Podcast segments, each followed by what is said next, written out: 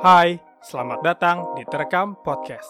banyak menyinggung lebih ke toleransi sebenarnya. Jadi eh, toleransi atas ras, agama ya. Banyak cerita menarik yang telah dibagikan. bukan pure pure hardcore yang kita bu bikin gitu maksudnya ada kayak dark dark hardcore juga gua selipin Dan semua telah terekam. gua nggak nggak nyangka sih bakal seramai itu ketika release party ya kan Halo, kembali lagi di Terekam Talk. Kali ini bareng gua Hadi di kita sekarang lagi tag di studionya ke mana di cafe di Penga- Jalan Pengadilan dekat Sekolah Regina Paci sedih ya. Ih. Nah, kali ini kita udah kedatangan bintang tamu eh, apa ya? Penerus estafet Line City Hardcore. Anjay. Di Bogor. ada ada Latif dan Lolo dari Bright. Sok kena- kenalin dulu. Kalau nggak tes suaranya jadi biar bisa ngebedain orang yang dengernya. Oke sip. Eh, gua Latif eh, sebagai vokalis di Bright. Eh, gua gua lolo di Bright sebagai drummer Oke. Berarti yang yang nggak datang siapa aja?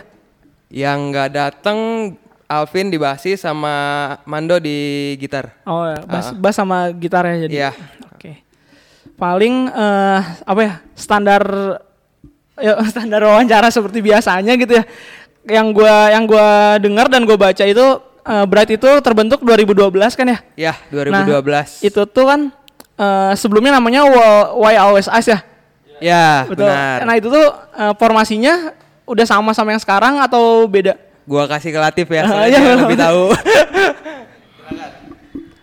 Eh, sebenarnya sih eh, personil personilnya yang dari awal sih tinggal gue sendiri ya. Oh, tinggal lu sendiri. Ah, terus? Iya sebelumnya sih ada Isal eh, di bass, eh, terus ada Rendra juga di drum, sama sebelumnya lagi malah ada Alfiansa juga namanya ada, eh, di gitar. Oh. Jadi ini formasi keempat. Oh, udah formasi keempat. Jadi pertama itu gua, Isal, eh, Alfiansah itu sebagai gitaris sama eh, drummernya Rendra berempat.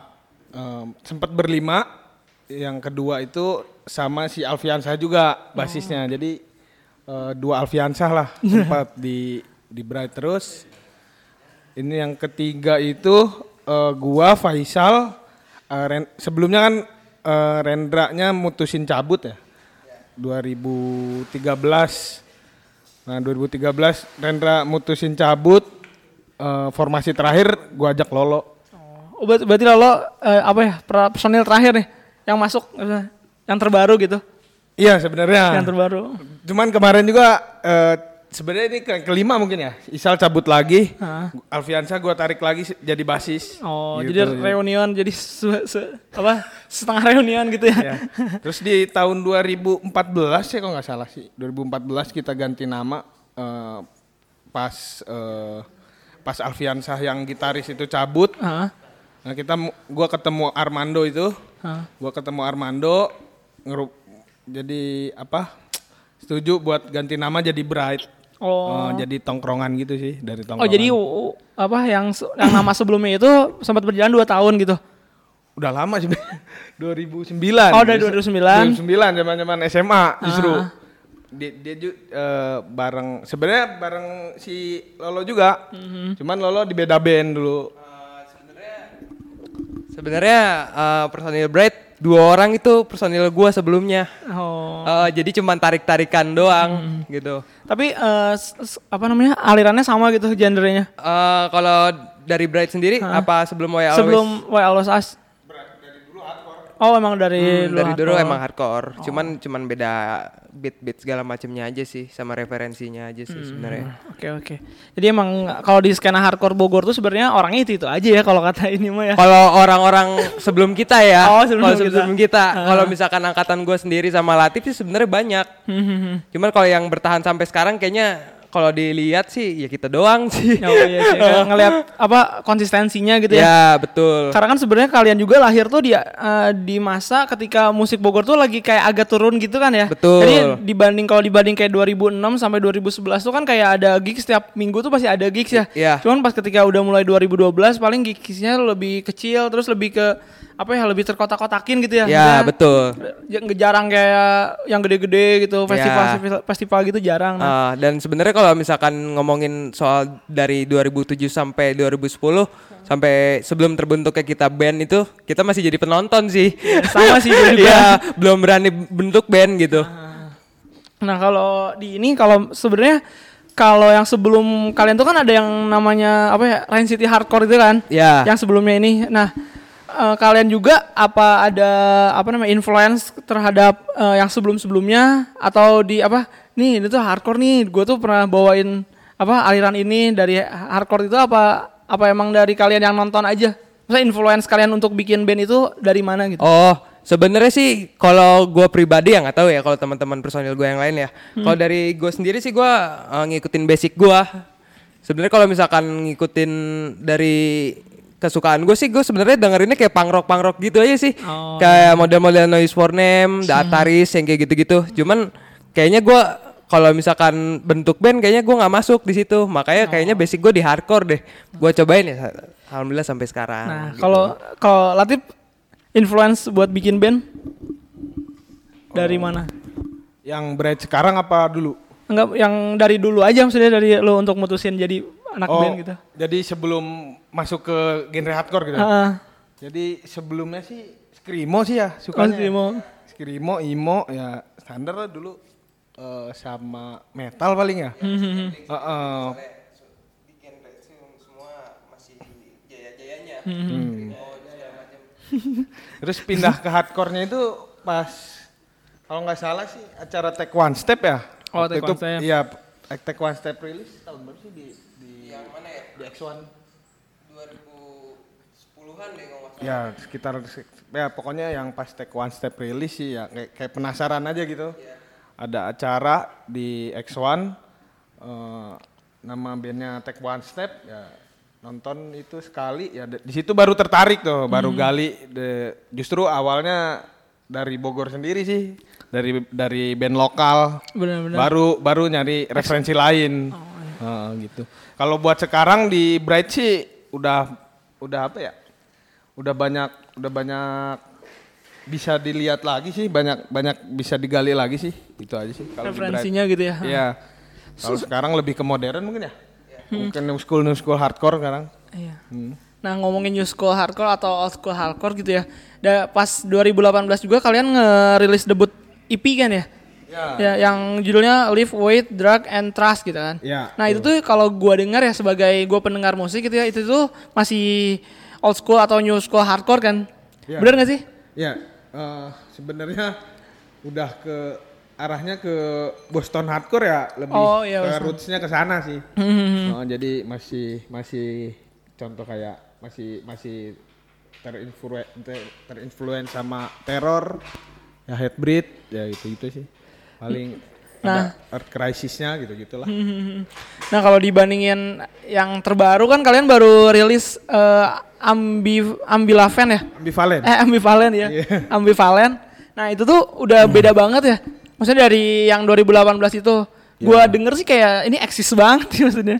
Iya, secara secara sound sih ya mungkin ya beda ya secara sound. Mungkin ada pattern-pattern sama eh, breakdown-breakdown yang mungkin lebih dikembangin aja sih Iya sebenarnya. lebih lebih rapat juga sih breakdown breakdownnya kayak Ya, gitu. lebih kayak lebih eh, lebih serius lah dibanding Benar-benar. sebelumnya. yang kalau gue sebagai apa pendengar musik sih yang bisa yang kalau misalnya 2018 itu kan kayak old school new school jadi orang tuh ketika dengerin fokusnya ke sound kan gitu kayak nerka-nerka nih Ya. sound-soundnya kayak gimana nah Hmm. kalau untuk yang EP baru ini orang tuh udah fokus ke liriknya lebih ke emosi yang disampaikan kayak gitu sih jadi to the point dan lebih dewasa sih menurut gua Betul betul. nah kalau dari kalian emang emang konsepnya seperti itu atau seperti apa untuk dari si ambivalen ini Ya konsepnya emang bener-bener dikonsepin sih untuk EP ini yang Hmm. yang ya bisa dibilang agak serius lah ya. agak serius. Terus kan tadi kalau ditanya ya mm, fokus ke sound, ke kemarahan yang diluapin gitu. Hmm. Ya lebih ke situ juga sih. Ya. Nah kalau ambivalen ini, ambivalen ini, Ambivalen. ya ambivalen ini judulnya eh judulnya apa? Namanya tuh diambil dari kata apa atau artinya apa gitu? Ambivalen sendiri sih diambil dari kata Bahasa Inggris sih. Oh bahasa Inggris. Bahasa Inggris. Kak. Jadi ini bahasa psikologi sih sebenarnya. Oh artinya apa tuh? Ambivalen tuh eh, sayang sayang tapi benci. Oh Eh, benci. kayak gitulah kok kurang lebih. Oh. Eh, jadi rasa sayang sama rasa benci di saat yang bersamaan. Hmm, Eh, jadi sebenarnya kata dasarnya itu ambivalensi kalau bahasa Indonesia. Oh ya. Ya, karena karena liriknya semua bahasa Inggris ya gue putusin jadi ambivalen. Oh. Karena bahasa Inggris dari ambivalensi itu eh, ambivalensi. Nah kalau di kalau secara secara album si album ini tuh konsepnya sep- kayak gimana? Temanya atau yang kalian angkat tuh? Oh kalau dari tema sih ya cuman isu-isu sosial sih. Oh. Kayak apa ya? Eh, ya banyak banyak banyak menyinggung lebih ke toleransi sebenarnya.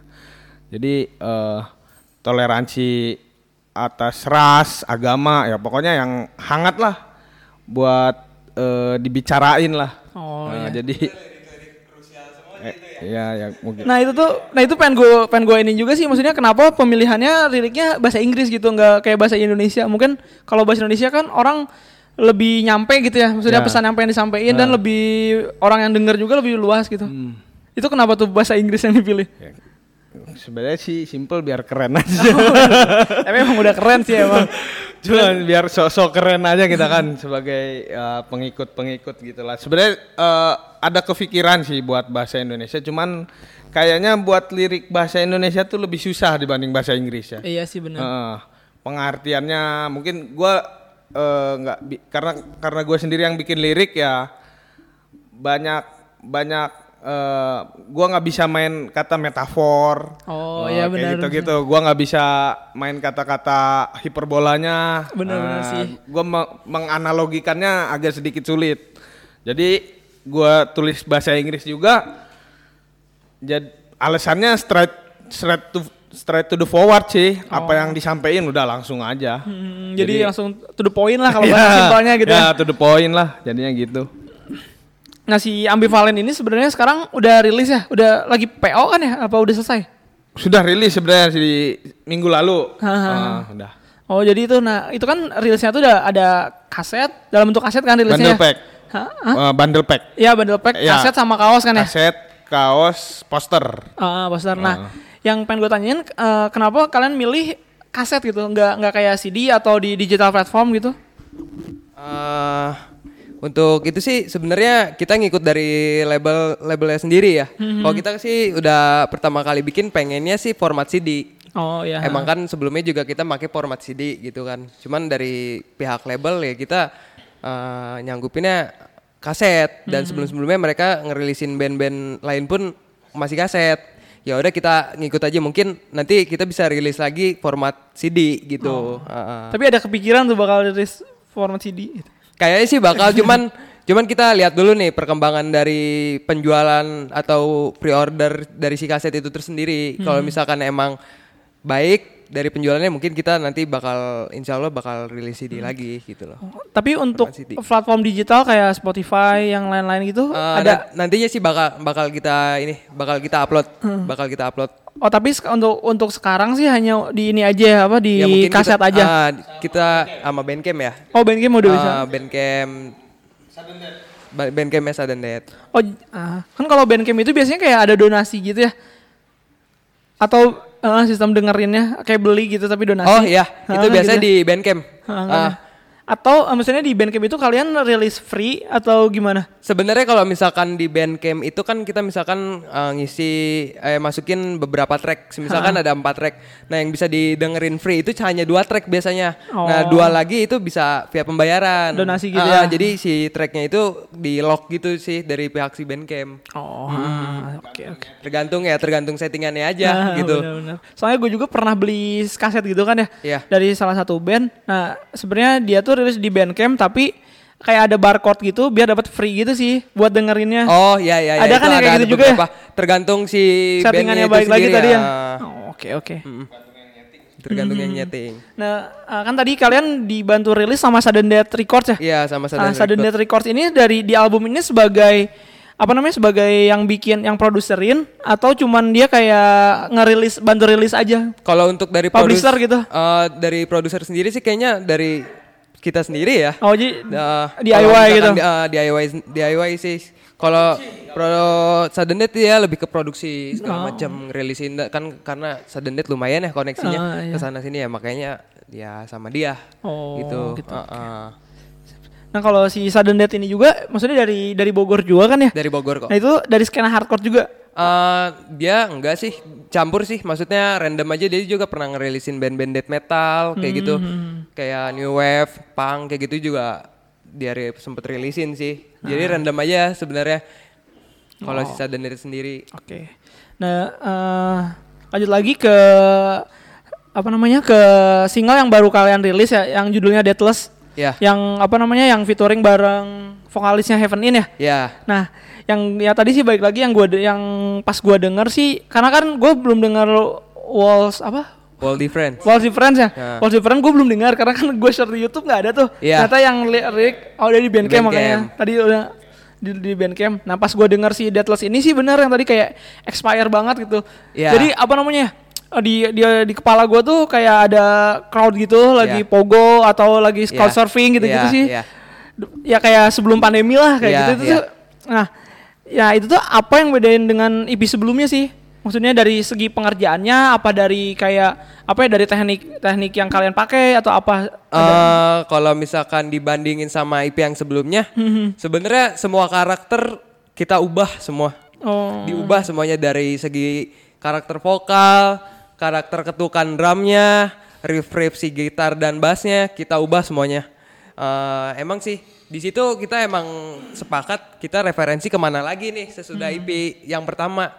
Ya udah ternyata kita eh, milih kayak band-band referensinya band-band luar kayak Backtrack. Iya, Backtrack. Terus emang sih kayak lebih kita lebih ke expire banget. Terus kan banyak sih jadi satu eh semua personil itu referensinya sama semua. Jadi nggak ada yang egois sih maksudnya di album yang ini. Maksudnya oh, bener ya buat kayak gini. Makanya jadi ketika kita buat materi itu satu kepala semua. Jadi enak. Oh, jadi nggak ada nggak ada satu produser gitu ya atau project manajernya nggak ada gitu Nggak. barang-barang aja semua Nggak bareng-bareng aja sih gitu ya. sebenarnya. Makanya dari segi pembuatan materinya sendiri sih nggak terlalu lama, nggak terlalu lama.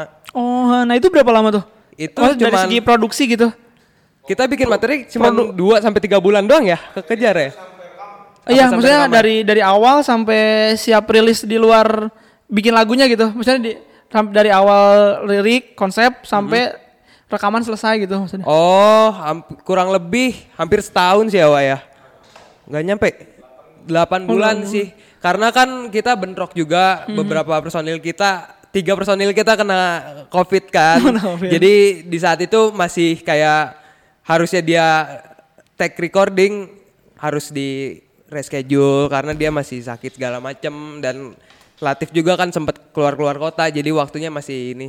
Oh, berarti ini tuh album ini tuh eh, karya pandemi gitu ya kalau boleh Bisa dibilang begitu Bisa sih. karya pandemi. Iya. Nah, kalau ini kalau gue pengen tahu kenapa maksudnya kalian memutuskan bikin album ketika pandemi gitu kan. Di saat kayak apa gigs jarang, terus semua diribetin apa kayak gimana. Nah, itu ada nggak? Eh, dari gua dulu ya nanti Nah, gua, boleh nanti, Latif. gua oper ke Latif.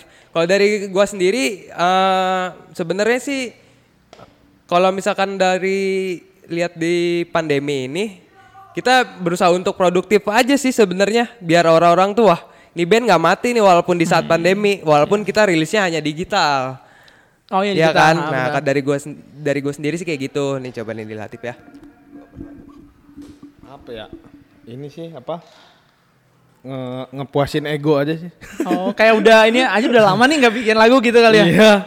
Kayak nggak manggung-manggung adalah bikin bikin lagu aja. Ah. Daripada nongkrong lagu. Tapi pros- prosesnya tuh kayak digital gitu gak sih? Kan wa- waktu awal-awal pandemi kayak banyak band-band yang jamming online atau kayak gitu kan ada kan ya? Ini Ada. kalian apa rembukan langsung apa gimana? I- kalau kita sih langsung ke studio ya.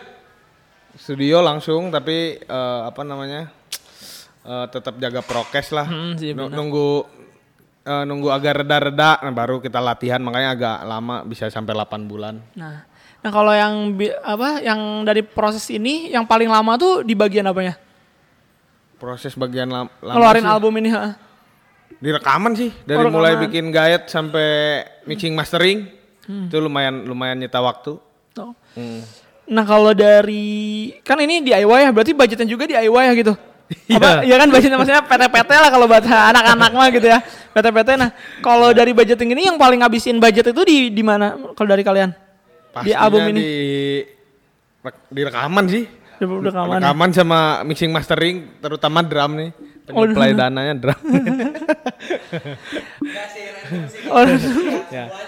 Wah, ya pokoknya pokoknya sama rata lah. nah terus kalau kan sekarang udah rilis nih ya dari apa ya, di PO terus udah rilis juga di Bandcamp. Ya. Nah ada ada rencana bakal bikin rilis party atau showcase gitu? Waduh, kayaknya sih belum dulu ya.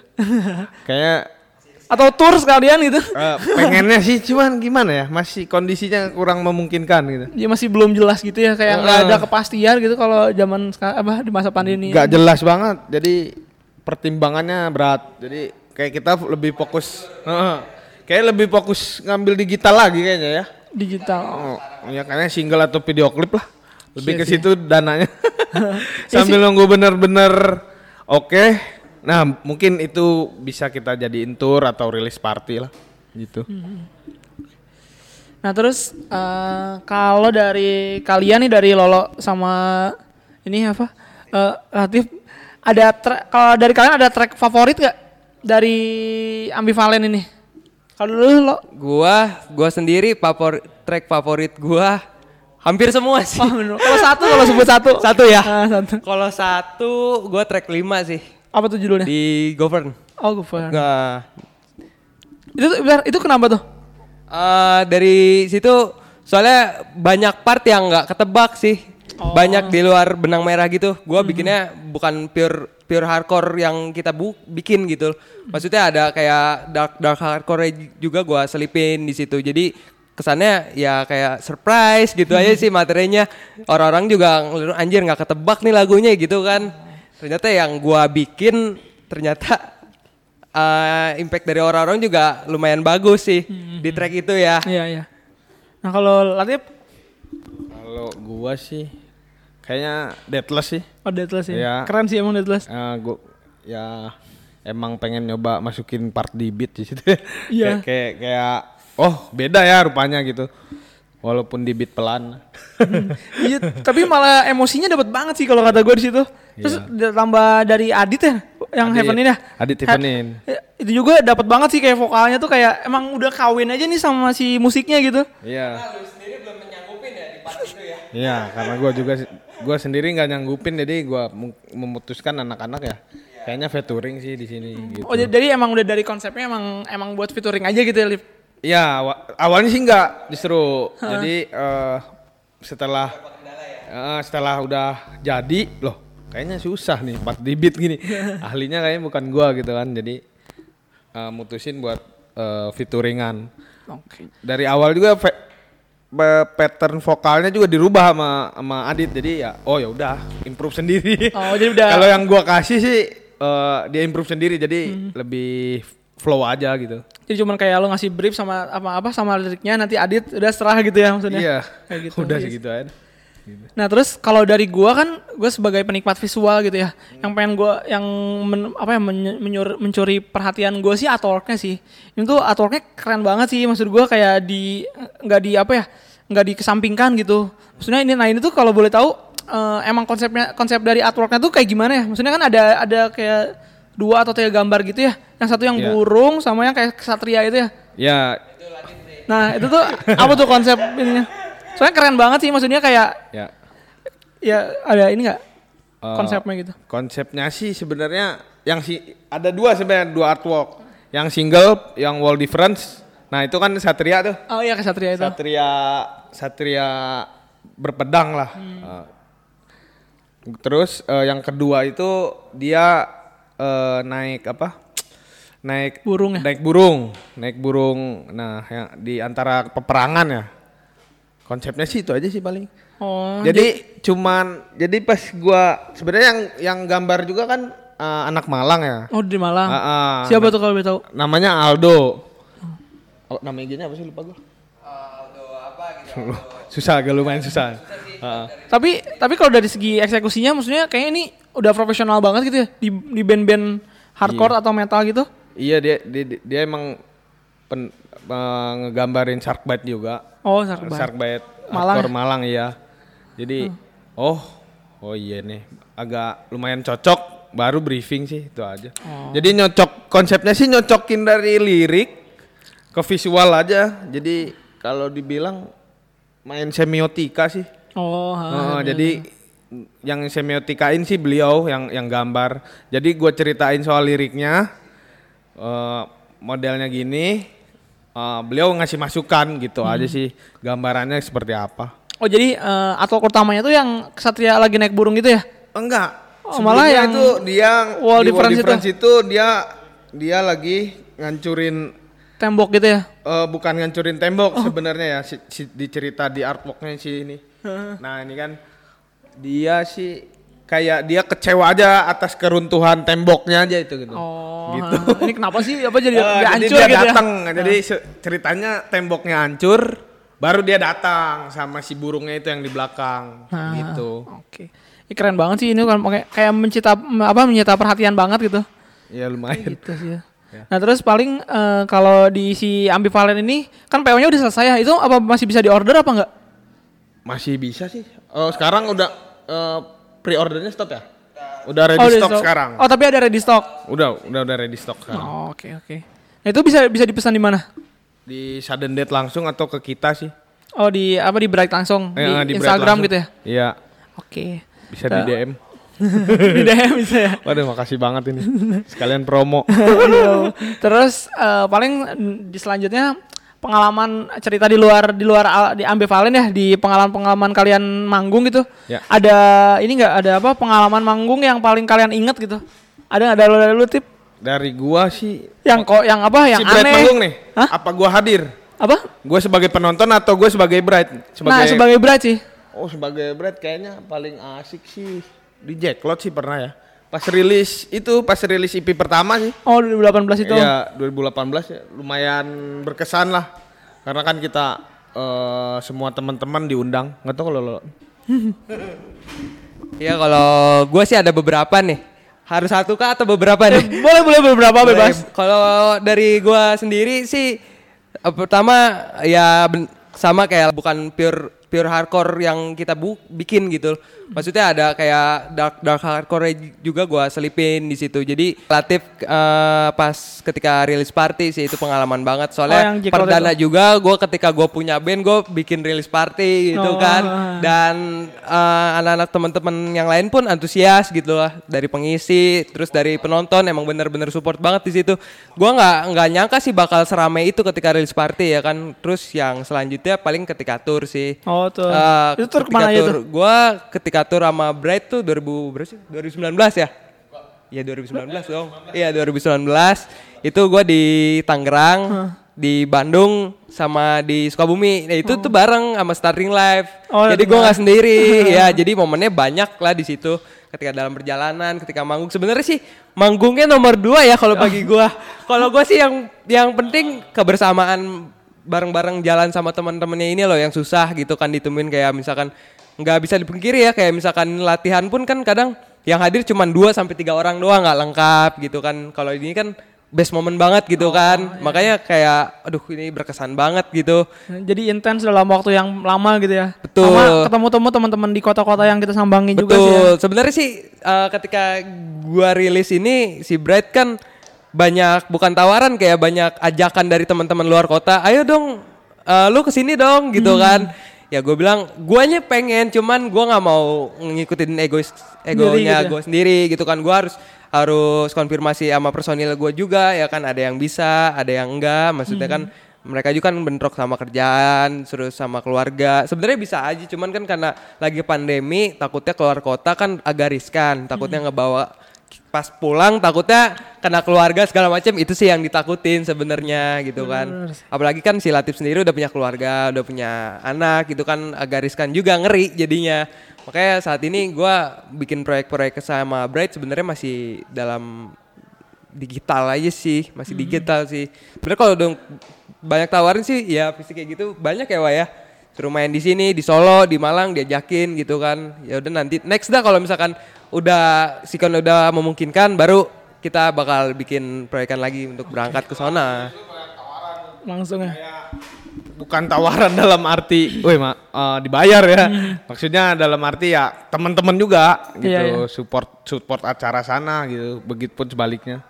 Ya gitu sih. Iya sih karena eh, dengan rilisnya apa IP kalian ini kayak ini gue apa gue juga bisa nih bikin album di pandemi gitu kan karena kan kebanyakan kayak ini gitu kan maksudnya semangat semangat kalian tuh kayak ya biasanya kan kepada kurang pede gitu ya. Malah ketika kalian rilis tuh dari band-band lain mungkin kayak terinfluence gitu sih buat kayak semangat lagi bikin acara atau bi- bikin materi gitu. Setuju, setuju. Kayaknya sih kita juga kayaknya greget juga sih.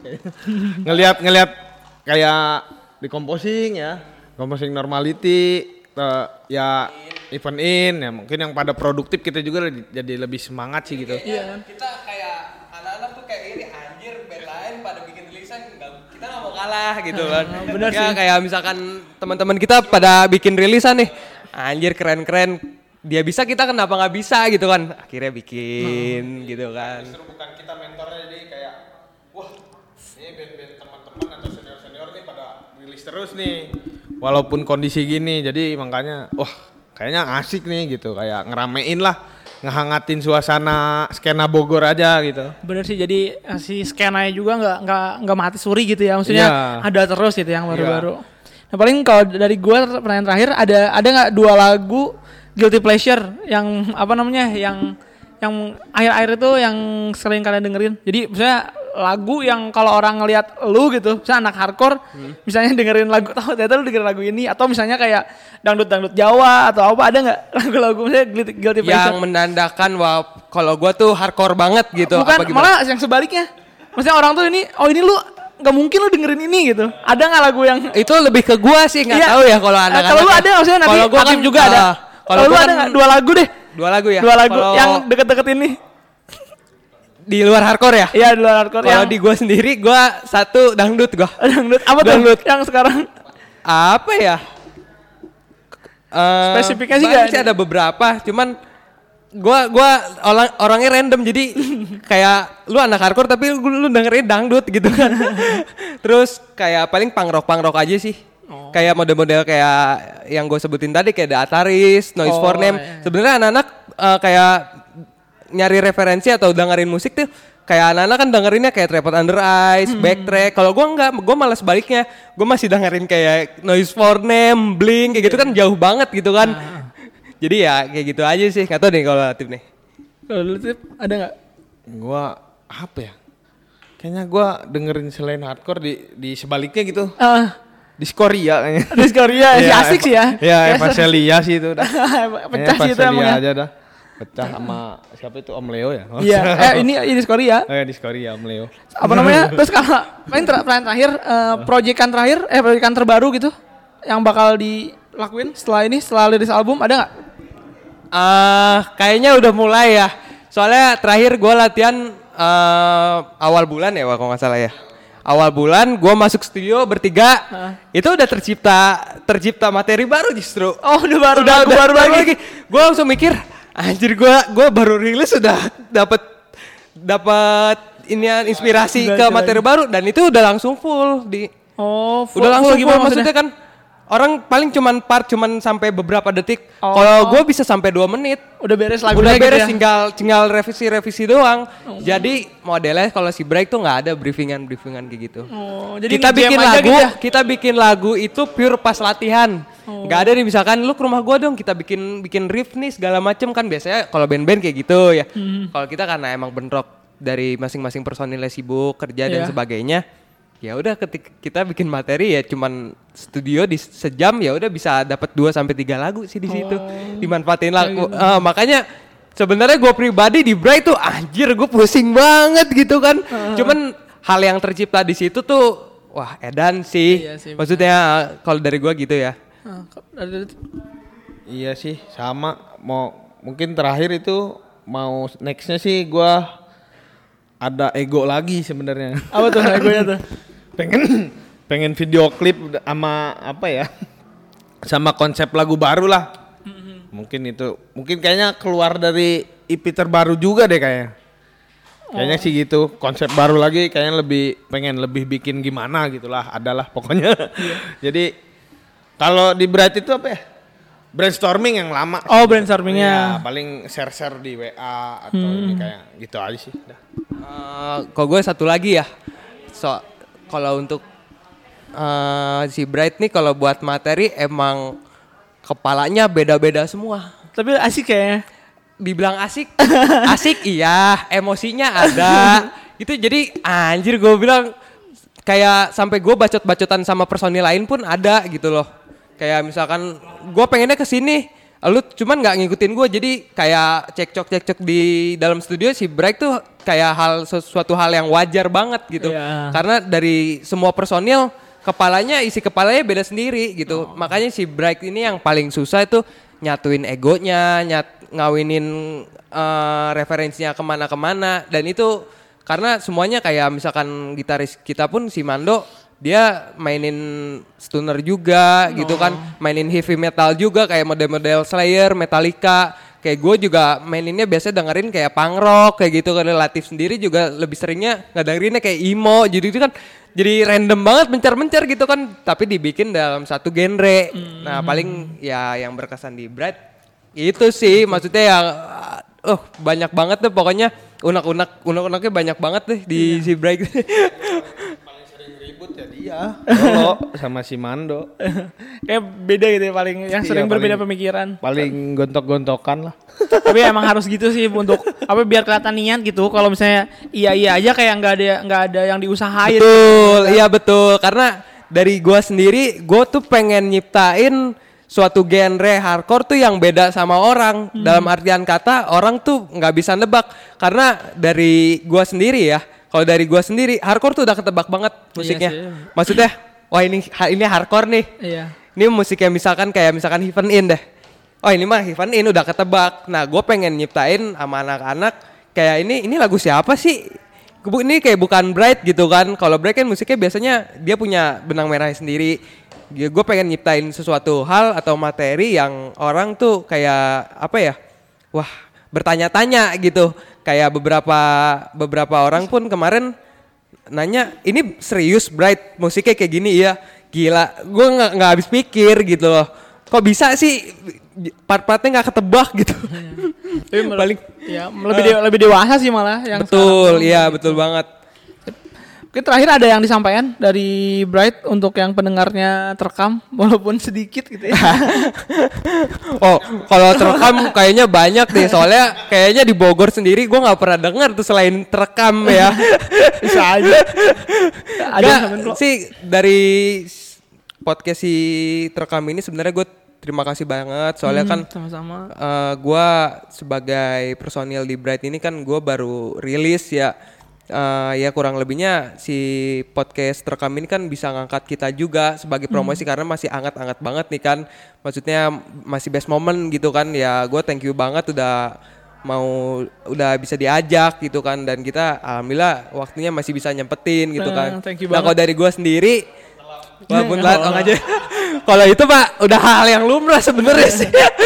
Yang kalau dari gua sendiri harapan untuk terekam semoga semakin kreatif. Amin. Eh, semoga semakin apa ya materi-materi yang bakal digarap nanti semakin keren semakin semakin banyak pendengarnya. Dan gua sih pengennya nggak nggak sekedar podcast ya. Maksudnya eh gua doain ya format video juga. Soalnya kan eh, wa- kalau yang gua tahu sekarang orang-orang podcast banyaknya format video ya Iya, Eh, video. dan mungkin doa dari gua semoga lebih cepat dah gitu kan proyeknya untuk bisa format video sih terekam Amin amin. Gitu. Oh, ada tip, tip ada tip? Sama sih kayak Lolo ya. Udah tersampaikan semua sama Lolo. Hmm. gua gua cuman paling satu ya. eh, ini kalau mau beli kaset boleh, atau boleh. bundle pack ya silakan langsung kontak kita atau ke Sudden Death. Itu Oh. aja sih. Thank you banget nih promonya. Iya sama-sama. Kalau dari gua sih untuk si untuk Bright eh, video klip lah gas lah. Karena kan gue gua dengar terakhir, gue udah pernah dengar pas di suara hujan. Ya. Pernah apa kalian pengen emang pengen banget bikin video klip gitu Ya, kan, tapi ya. sampai sekarang belum belum ya, belum terlalu belum itu gas lah udah gas lah. itu itu suatu hal yang kayaknya sulit banget ya Emang susah ya? karena boleh gue jelasin dulu Ah, boleh, Desa? boleh, boleh. Eh, jadi Nggak apa-apa nggak apa-apa. eh, jadi untuk video klip sendiri kita kendalanya pertama satu di tempat kedua satu tempat pak. Kalau gua ya. Kedua iya budget. Kedua budget. Ya paling gitu doang sih. Sama sama kita harus nyari-nyari yang bisa bikin video klip tuh yang benar-benar yang benar-benar sesuai sama karakter kita gitu kan ya paling itu aja sih kendalanya dan itu progresnya udah dari tahun berapa ya sampai sekarang belum terrealisasi Tapi kalau dari segi konsep-konsep gitu udah ada kan yang brainstorming mah. wah itu itu dilatih ya Oh, saya tidak mengetahui hal tersebut soalnya Justru ini nih, gua ka- kan kemarin itu sebenarnya pengennya video klip ya. Iya. Video klip tapi kayaknya eh, di IP ini ada apa ya? Gue membayangkan sih dari ego gua aja eh, kayaknya kurang cocok nih yang eh, materi-materi di IP ini gua jadi nggak ke konsep lah dari awal. Bukan lebih nggak bukan nggak cocok tapi kayak wah kurang ke konsep nih dari awal. Mungkin karena belum kepikiran juga waktu itu.